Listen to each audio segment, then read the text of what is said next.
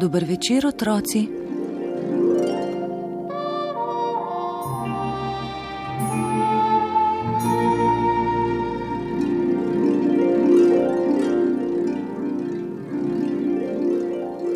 Bi se vam prilegla pravljica o javorju in gozdni vili? Se poznate javor, ki meče okoli sebe gosto in hladno senco, saj ima široko zeleno krošnjo? Poznate? No, pravljico o njem je za vas napisala Hanna Škerlak, jaz pa vam jo bom pripovedovala. Takole je bilo.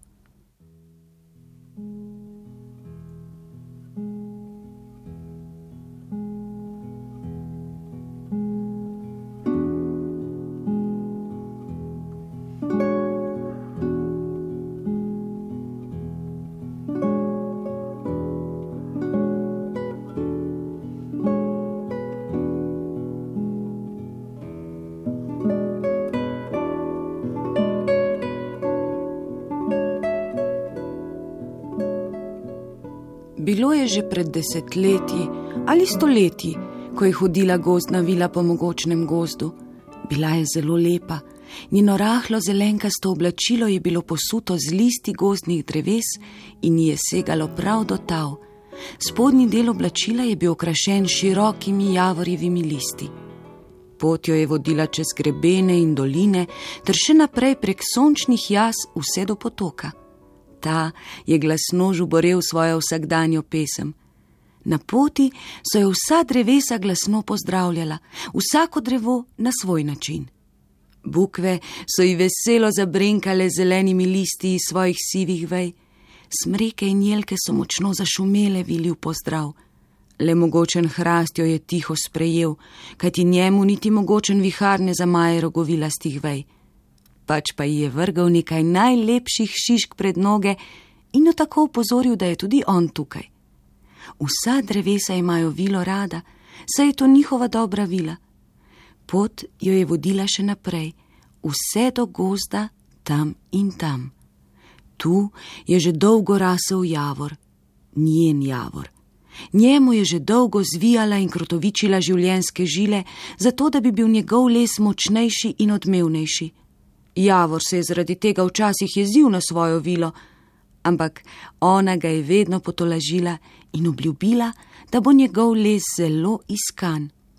Res, star je že bil, tudi gozdni vili je bilo to najljubše drevo. Nič kolikokrat je prebivala pod njegovo široko krošnjo, vso posuto s širokimi listi. Ti so v vetru peli, včasih mogočno kot grom, drugi krat nežno kot pajčevina včasih veselo kot smeh, nič kolikokrat pa kot žalostni jok. Take so bile te melodije, da jih še ona, gozdna vila, nikoli ni mogla razumeti do kraja. Dobr dan, Javor, Javorček moj, ga je pozdravila vila, ko je prišla do njega. Lepo, lepo, moja ljuba vila, da si prišla, ampak danes sem hudo žalosten. Davi, ko sta se vrnili sovi, ki prebivata v mojem duplu, sta mi povedali, da me bodo jutri posekali. Res, star sem že, tudi tako rad imam sonce, dež in jutranjo roso. In kar groza me je, če bo jutri vsega tega konec. In kdo ti bo v vetru pel, če mojih širokih listov ne bo več? Potolaži se javor, javorček moj. Vem, da te bodo jutri posekali, takrat bom stala ob tebi. Čaka pa te novo življenje, nič več tako kot doslej tukaj v gozdu, lepše in trajnejše bo. Vsako drevo tu v gozdu prej ali slej propade, tudi tebi, ki sedaj tu stojiš, je čas potekal.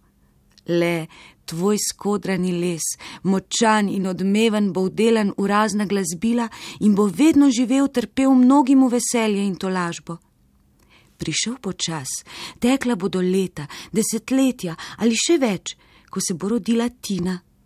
Ta Tina bo dobila v svoje roke glasbilo, čelo, ki ga bo izdelal njen oče iz tvojega trdega in skodranega lesa in lesa jelke tvoje gozdne sestrice. To glasbilo bo stisnila med kolena in poskusila izvabiti iz njega vso lepoto zvoka, ki bo odmeval iz tvojega trdega in odmevnega lesa.